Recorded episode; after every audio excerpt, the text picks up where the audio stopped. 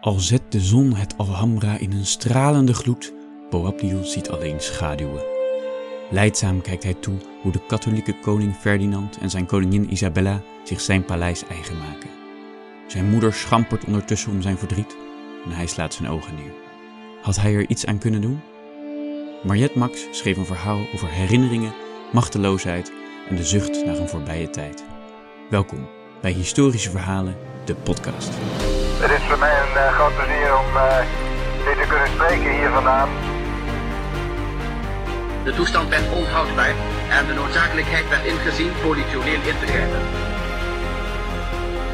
Ik verzoek u te geloven dat het niet anders kon. Hoe donker en moeilijk de tijden ook zijn, te blijven vertrouwen.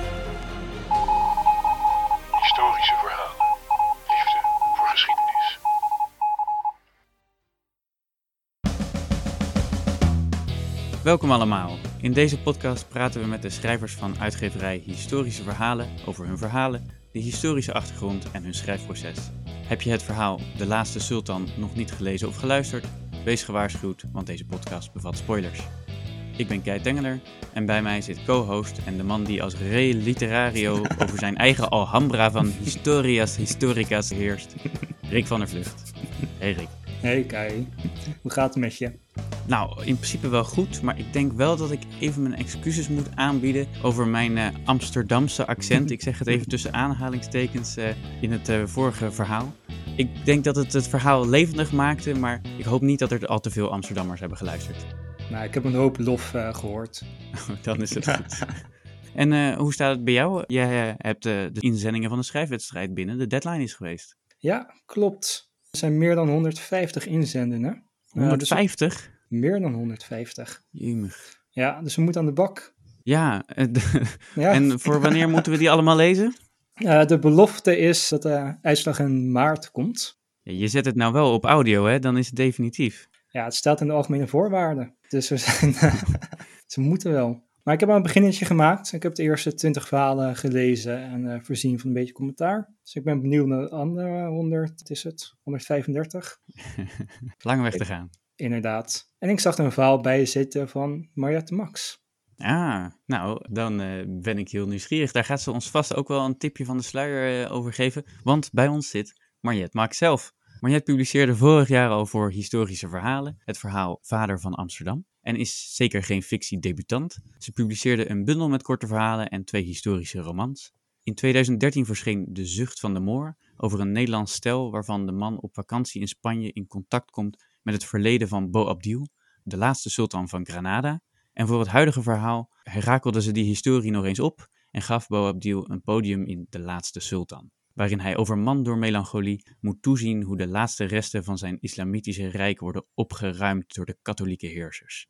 Mariette schildert het verleden zo waarachtig dat ook de moderne lezer even niet meer weet in welke tijd hij zich bevindt. Welkom, Mariette. Nou, fantastisch. Wat een mooie samenvatting. Eerlijk gezegd heb je nu al een heleboel uh, geras voor mijn voeten weggemaaid. want dat wilde ik aan mezelf vertellen. Maar dat is mooi. Hoef ik het niet meer te doen. En uh, ja, fantastisch. Leuk dat ik hier mag zijn. Ik voel me vereerd dat ik uh, bij de schrijvers van historische verhalen mag horen met twee verhalen. Mm. En misschien ook nog eens in de toekomst een derde verhaal. Maar zover is het nog niet hoor. Oh ja, het oorlogsverhaal natuurlijk. Oorlogsverhaal, ja. Maar ik dacht dat het anoniem was. Hoe kan ik nou anoniem zijn als jij zegt dat ik ingestuurd heb? Nou ja, er moet iemand zijn die de mailbox beheert. Ja. En um, dat ben ik.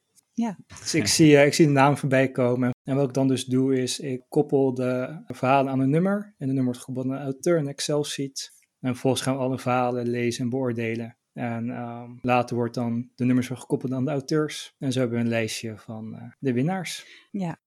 Mariette, je hebt een uh, verhaal en een roman geschreven over uh, zonnig Spanje. Volgens mij is er een reden dat het daarover gaat. Ja, ik woon er. Sinds 2000 ben ik in de Alpujarra gaan wonen. En toen het stof van de verbouwing van ons huis een beetje neergedwarreld was heb ik het uh, schrijven veel nou ja, serieuzer opgepakt. En ik ben ook behoorlijk veel gaan lezen over uh, de geschiedenis. En bij ons in de vallei uh, was nog eigenlijk, ja, toen in 2000 was het nog behoorlijk authentiek. En nu is de moderne tijd ook door internet zo enorm uh, naar binnen geraast dat je niet meer die authenticiteit van de vorige eeuw meer zo proeft. Maar in de Alpujarras was ook die, die sfeer van de Moren soms nog wel voelbaar. En ik raakte eigenlijk uh, ja, geïntrigeerd en gefascineerd door die, uh, door die Moren, die uh, eh, 500 jaar, langer dan 500 jaar bij ons in de vallei en, en, trouwens in heel Andalusia een behoorlijk stempel drukte. En um, die Alpujarras was eigenlijk de vallei waar die Moren, nadat ze in 1492 door de katholieke koningen werden verbannen, gingen ze in de Alpujarras uh, zich verstoppen en uh, wonen en bleven natuurlijk nog wel hun, hun islamgeloof beleiden, maar dat mochten ze absoluut niet. Dus het ging allemaal een beetje undercover. En uh, tot 1578 eigenlijk was daar nog wel echt voelbaar een Moorse islamitische sfeer. En nou, daarna zijn de christenen hebben het wel helemaal overgenomen en zakten het wel flink in. Wat je nu beschrijft, dat is het historische vervolg van je verhaal mijn verhaal in het boek gaat echt over de laatste tien jaar eigenlijk dat de Moren nog aan het bewind waren in Granada, in, mhm. in, het uh, emiraat of kalifaat Granada. Maar het verhaal wat ik nu geschreven heb voor historische verhalen is een uh, stukje eruit. Want waar dit verhaal vooral op gebaseerd is, is eigenlijk de laatste zin van het verhaal. Dat op het punt dat de karavaan de vallei intrekt, onze vallei, de Alpujarras, daar is een kruispunt en daar ligt een grote rots. En daar staat hij terug te kijken naar zijn Alhambra. En dan voelt hij een hand op zijn schouder en dan uh, hij huilt. Want, uh, ja, het is ook niet niks wat hem is overkomen. En dan zegt zijn moeder tegen hem: Ja, huil maar als een vrouw om wat je als man niet kon verdedigen. En dat is een gevleugelde zin in de Spaanse geschiedenis. Ja. En uh, ieder kind op, uh, op de lagere school leert dat al. Want dat was echt het einde van de islamitische overheersing in Zuid-Europa. Het is niet bepaald een uh, zin van een steungevende moeder. Nee, nee, zij was heel dominant wel, denk ik. En ehm, ja, weet je, eigenlijk is er heel weinig over bekend. Want het hele verhaal berust op legendes. Want in 1499 was er een kardinaal Cisneros en die heeft alle islamitische geschriften en boeken verbrand. Een van de vele boekverbrandingen in deze wereld. Dus alles wat daarna uh, bekend is, is eigenlijk door mondelinge overlevering. En een van de boeken die ik heb gelezen hierover is van uh, Washington Irving. Dat was een uh, Amerikaanse diplomaat die uh, niet zoveel deed aan diplomatiek, maar heel geïnteresseerd was in die geschiedenis. En ook een, nou, een bloemrijk schrijver. En hij heeft de Tales of the Alhambra geschreven. En dat zijn allemaal korte verhalen eigenlijk over, ehm, ja, over de waterdrager en over de meisjes en, en nou ja, hoe men toen leefde in die tijd van de Moren. En daar heb ik wel uh, veel aan gehad. En ik heb ook het boek van Ildefonso um, uh, Falcones, veel mensen kennen het, uh, De Hand van Fatima gelezen. En dat speelt echt bij ons in de vallei. Dat is echt een, ehm, ook een heel boeiend boek. Fantastisch, heel, het begint heel erg luguber met oorlogen en koppen die afgemapt waren. Want die christenen waren dan waren geen lievertjes, maar die moren waren ook geen lievertjes. ze sloegen elkaar gewoon lekker de hersens in. nou, je, je woont dus in Zuid-Spanje en dan kijk je naar buiten voor inspiratie. Of, of hoeveel impact heeft het feit dat je in Zuid-Spanje woont op je schrijven?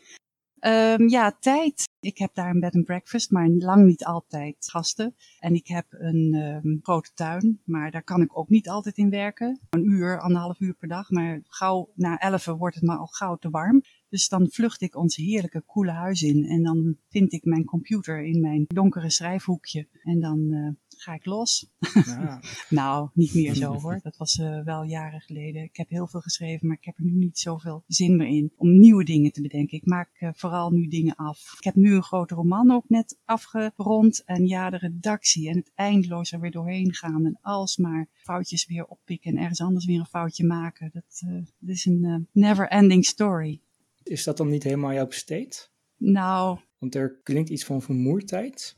Ja, nou, uh, vermoeidheid, nee. Um, ja, ik, ik, ik weet niet zo goed meer waar ik over moet schrijven. Nou, inspiratie ik heb geen, uh, een beetje inspiratie. Ja, je ik moet heb weer verhuizen. Tijd, ja. inderdaad. Ik, ik heb een hele tijd gedacht, ik heb een writersblok, maar dat klinkt zo uh, gezwollen. Ik wil gewoon dingen afmaken nu en dan, dan zien we wel of ik dan inderdaad weer de rust vind om iets nieuws te gaan doen. Laten we dan even een stukje terug gaan naar het moment dat er wel nog die energie is. hoe ben je begonnen met schrijven?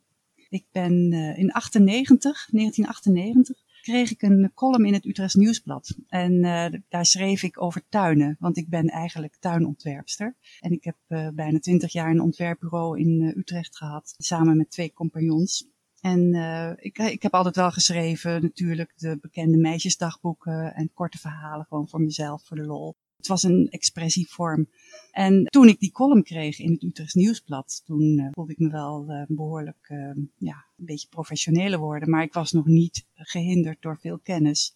Hm. En tot 2003 heb ik dat gedaan. Toen woonde ik dus al in Spanje in 2000. En toen heb ik over mijn tuinaanleg in Spanje geschreven en ook over koken dat hield toen op in uh, 2003 en toen ben ik een tuinthriller gaan schrijven. En dat is eigenlijk mijn oermanuscript. Een en daar heb ik gewoon ja, een tuinthriller. Een thriller, een spannend verhaal met daartussendoor gestrooid tuininformatie. Dus hoe je rozen snoeit en hoe je, Oké, nou ja, bollen plant. En, maar dat werkte dus helemaal niet. Want de mensen die het thriller verhaal leuk vonden. Ik, vond het, ik vind het wel een interessant concept. Ja?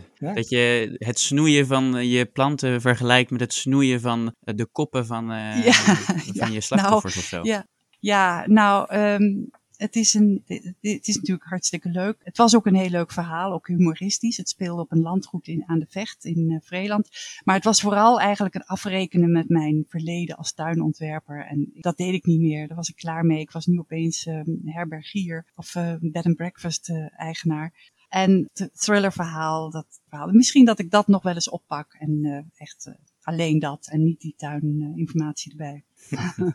En toen, uh, toen ben ik daarna eigenlijk begonnen aan de zucht van de moor. Maar ik had steeds niet echt een goed idee. Totdat ik een boek las waarin een uh, tijdreis door een drugs daarin voorkwam. En toen ben ik, uh, heb ik dat een beetje gaan uh, kopiëren. Nou, niet kopiëren, maar ik heb me daar inspiratie uit gehaald. Ja, en toen in 2013 kreeg ik een contract bij een uitgever. Maar die ging helaas heel snel failliet. Want dat was uh, natuurlijk na de crisis van de 2008, 9, 10, 11, 12. Dus zij redden het niet. En toen heb ik het verder zelf uitgegeven. En dat voor mijn andere boeken ook. Ben ik echt een zelfpubber. En dat is lastig, want uh, daarvoor moet je heel veel uh, zelfdoende investeringen natuurlijk. Maar ook de redactie, cover, ontwerp. Nou ja, weet je alles van, Rick. Mm -hmm.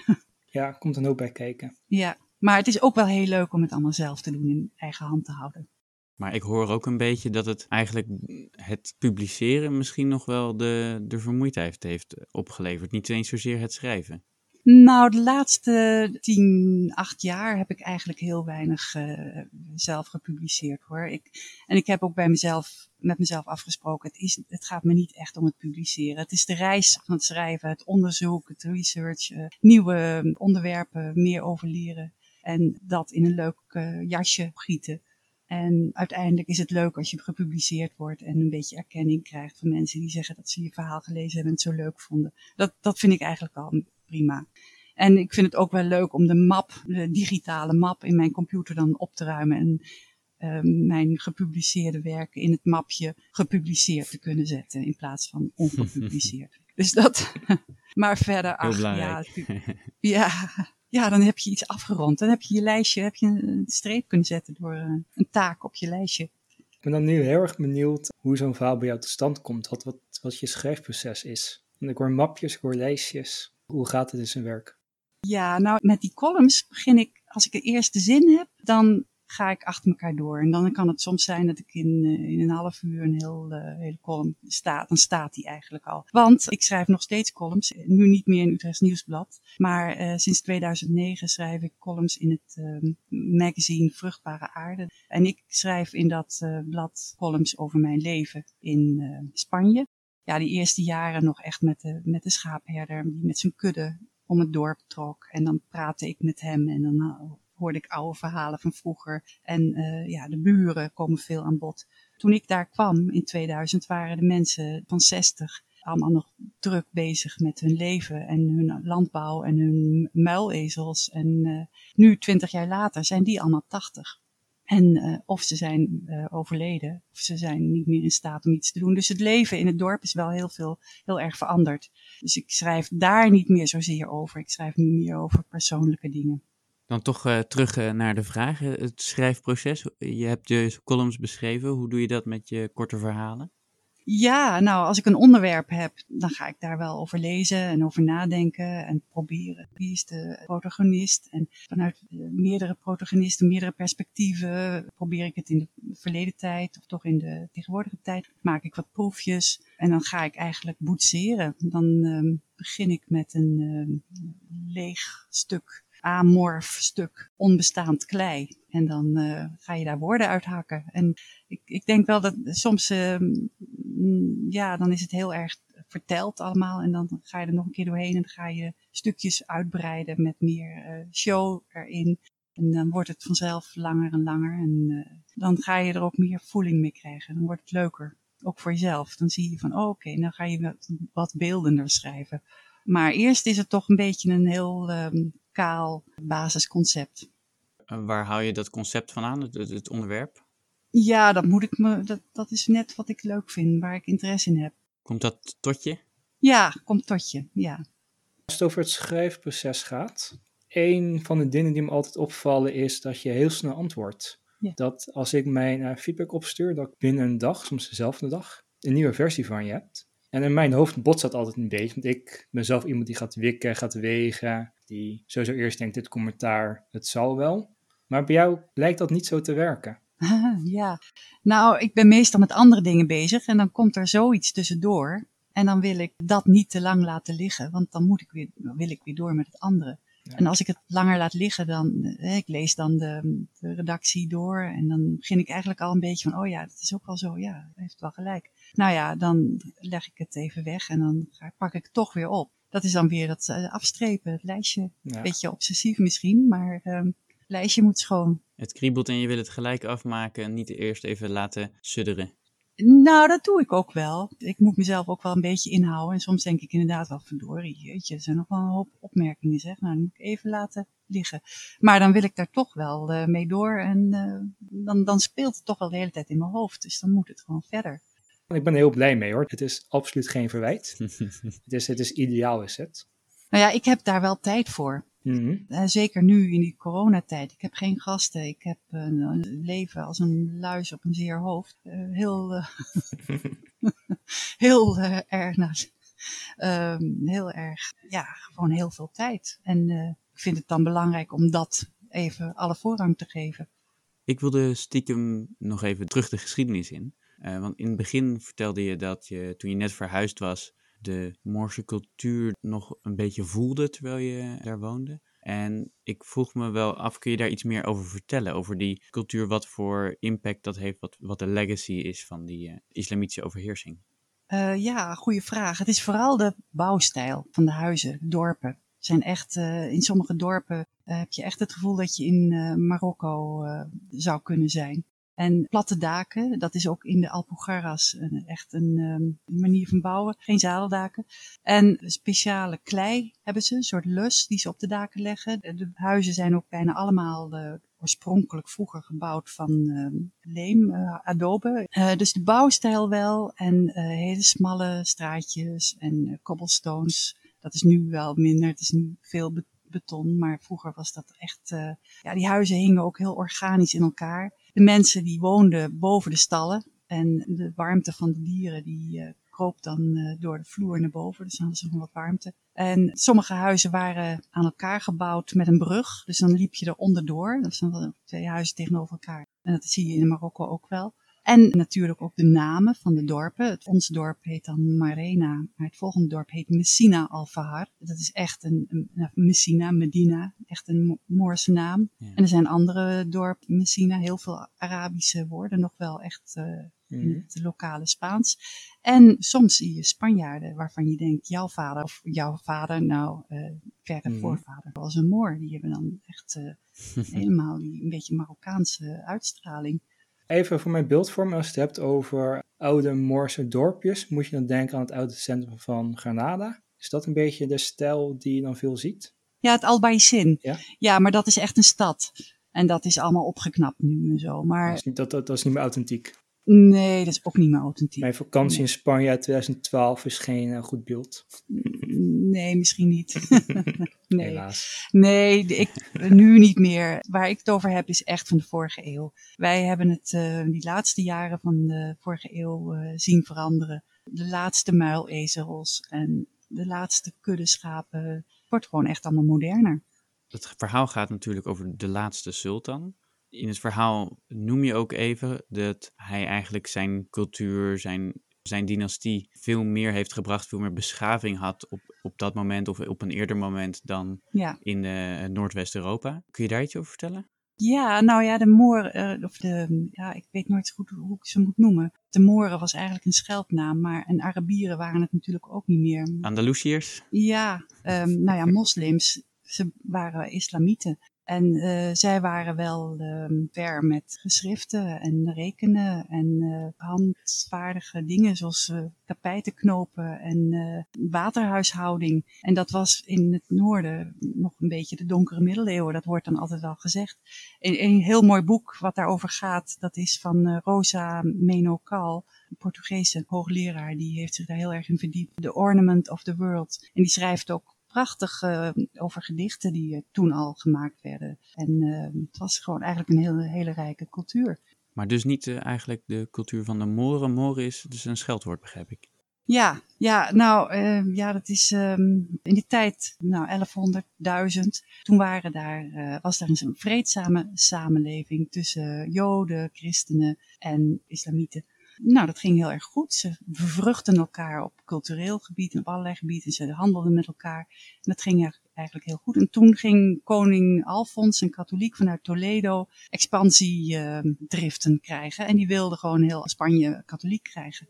En toen zagen die Arabieren opeens van jeetje, we worden aangevallen. Maar we zijn helemaal geen vechters, we zijn intellectuelen en we zijn schrijvers. En uh, hoe moeten we dat doen? En toen hebben ze hun uh, islamieten uit Marokko en Noord-Afrika laten komen. En dat waren Berbers en hele eenvoudige mensen vaak, maar ook vechtjassen.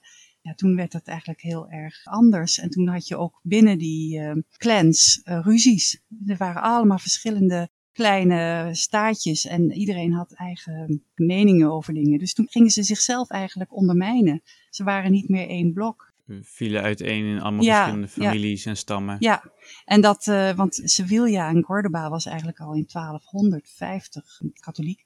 En uh, Granada heeft het nog zo lang volgehouden, omdat dat misschien toch een sterke familieclan was. Tot 1492 dus. Maar je het boek heet natuurlijk wel De Zucht van de Moor. Je laat het in je verhaal, laat je het ook Bob Deal zelf het woord gebruiken. Dus ik was wel nieuwsgierig wat daar de gedachte achter was. Nou, dat had ik ook willen zeggen nog. Dat El Suspiro del Moro, dat is in het Spaans de zucht van de moor. Dat is de plek waar Boabdil stond toen zijn moeder hem die gevleugelde zin uh, ja. toefluisterde. En zo heet die plek nog. Dat is de poort eigenlijk van, van het westelijk gedeelte naar de Alpujarras. En Salman Rushdie, die heeft ook een boek geschreven. Dat heette The Last Sigh of the Moor. En dat heb ik toen wel een beetje gepikt. Nou ja, gebruikt. Weer geïnspireerd, hè? Ja, ja geïnspireerd. dus de zucht van de moor is echt afkomstig van El Sospiro del Moro. In het verhaal neem je ons mee op een tocht door het Alhambra. We gaan van kamer naar kamer. En ik ben dan benieuwd hoe je dat onderzoek hebt gedaan.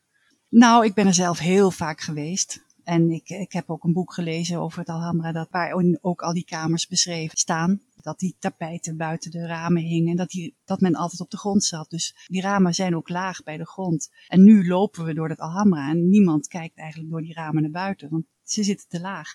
En dus je moet eigenlijk, als je daar bent, gewoon op de grond gaan zitten. En dan, dan beleef je veel meer hoe zij dat beleven. Het is ook het grootste gebouw in uh, Europa van islam origine. Mm. En het is een achtste wereldwonder. Maar het was eigenlijk ook een heel eenvoudig jachtslot. Het was niet um, een heel mooi gebouw. Zoals in andere steden grote moskees prachtig gebouwd zijn. Dit is echt heel sober. Met veel hout en kalk en gips en geen marmer. En uh, in dat gips zitten dan wel hele, al die motieven en al die um, hieroglyphen uitgegroefd. Maar als je het heel kritisch gaat bekijken, dan, uh, dan valt het wel mee. Ik wou net zeggen, ik vond het tamelijk imposant uh, bouwwerk.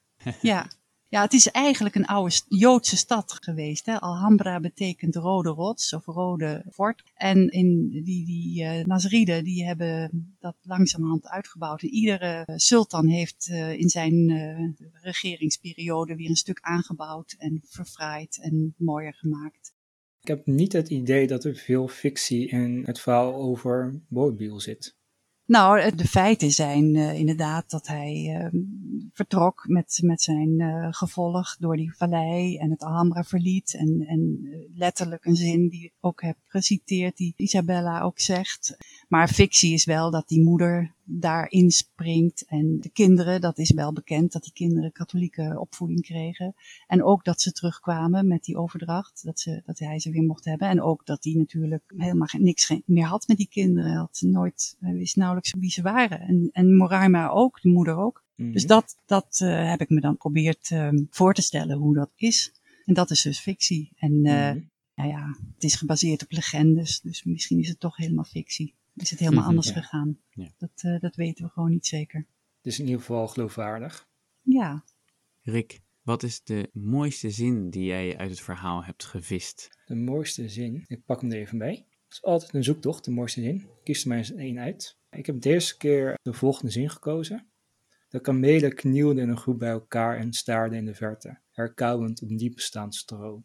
Mooi. Ik vond het een mooi beeld. Die kamelen, en boeit het niks. Nee. Dus een, kijk gewoon een beetje in de verte. Het is, het is een stilstaand beeld, maar wat wel een sfeer geeft. Ook zeg maar het niet bestaande stro, het is er niet. En ja. je ziet het voor je, het, geeft, het geeft sfeer een beeld aan het verhaal. Ja.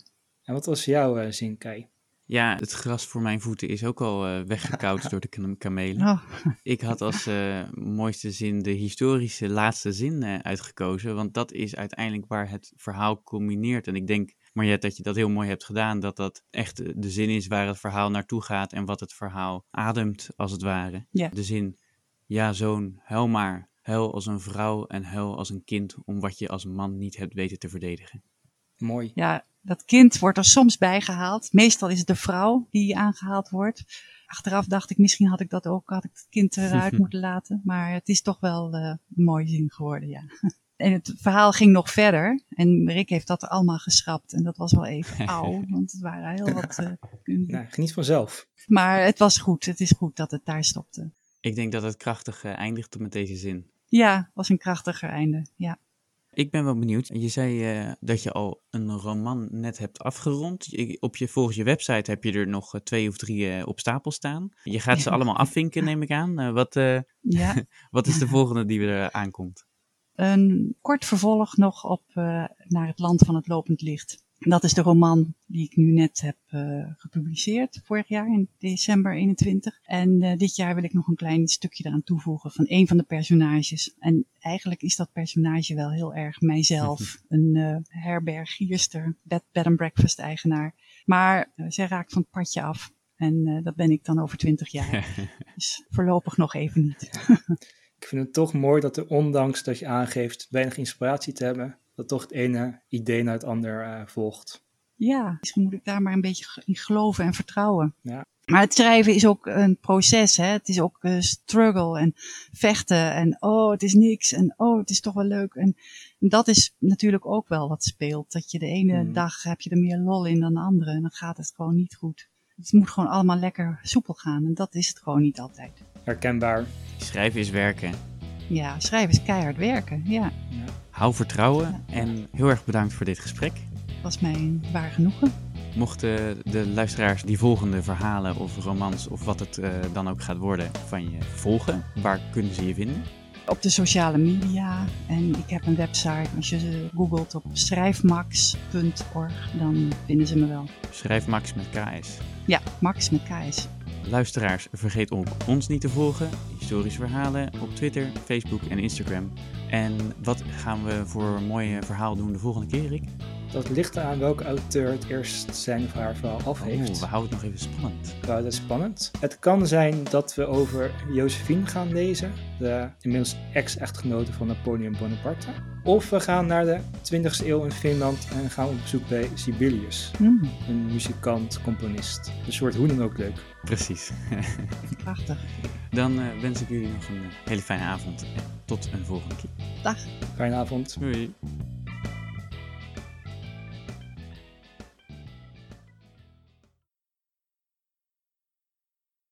En cut. Ja.